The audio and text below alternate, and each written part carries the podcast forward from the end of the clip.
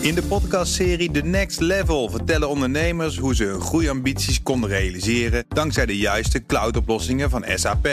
Wat waren de uitdagingen, de oplossingen en hoe ging de uiteindelijke implementatie? Benieuwd naar hun verhalen en hoe zij met behulp van SAP ook hun toekomstige ambities kunnen behalen? Luister de podcast The Next Level via de BNR-app of je favoriete podcast-app. De column van Ben van der Burg. Sinds jaren dag kennen we het begrip actieve gebruiker. De maandelijks actieve gebruiker is die ene unieke gebruiker die in een maand een site bezoekt. Het maakt niet uit wat hij doet. Komt die persoon in een maand vier keer op een site, koopt daar iets, leest daar iets, post daar iets, dat doet er niet toe. We tellen hem als één unieke gebruiker. Helder, duidelijk, strik omheen en klaar. Maar niet voor bedrijven als Zalando of Bol.com. Deze bedrijven lieten zich deze week van hun meest kleinzielige kant zien door de definitie van actieve gebruiker te betwisten. Ik ben nieuwsgierig naar de uitkomst van twee wetten waar Brussel mee bezig is: de Digitale Servicewet, DSA, en de Digitale Marktenwet, DMA.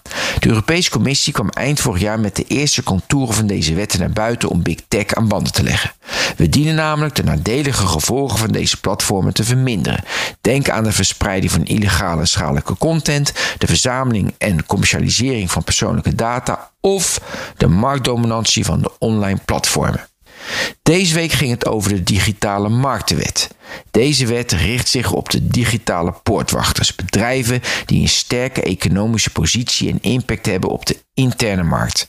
Een groot aantal gebruikers verbinden met een groot aantal bedrijven en voor langere tijd een stabiele positie op de markt hebben. Dan denken we aan Amerikanen als, we kennen ze, Amazon, Meta, Google, Microsoft, Apple. In Nederland denken we aan bol.com en in Duitsland aan Zalando. De vraag luidt vervolgens: wanneer ben je dominant? Daarvoor gebruiken ze in Brussel onder andere het criterium van het aantal actieve gebruikers. Daar hebben we hem weer.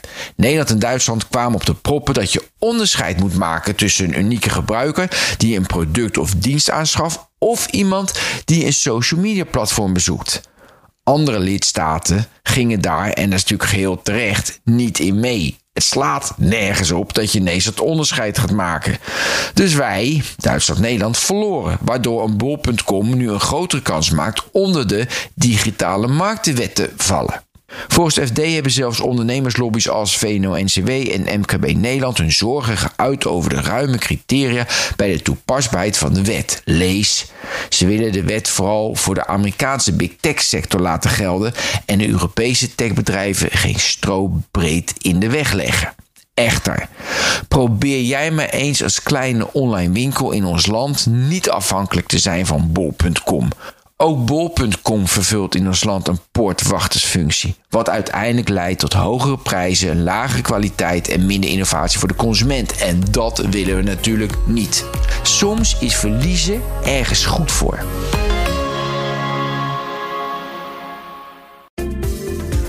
In de podcastserie The Next Level vertellen ondernemers hoe ze hun groeiambities konden realiseren dankzij de juiste cloudoplossingen van SAP. Wat waren de uitdagingen, de oplossingen en hoe ging de uiteindelijke implementatie? Benieuwd naar hun verhalen en hoe zij met behulp van SAP ook hun toekomstige ambities kunnen behalen? Luister de podcast The Next Level via de BNR-app of je favoriete podcast-app.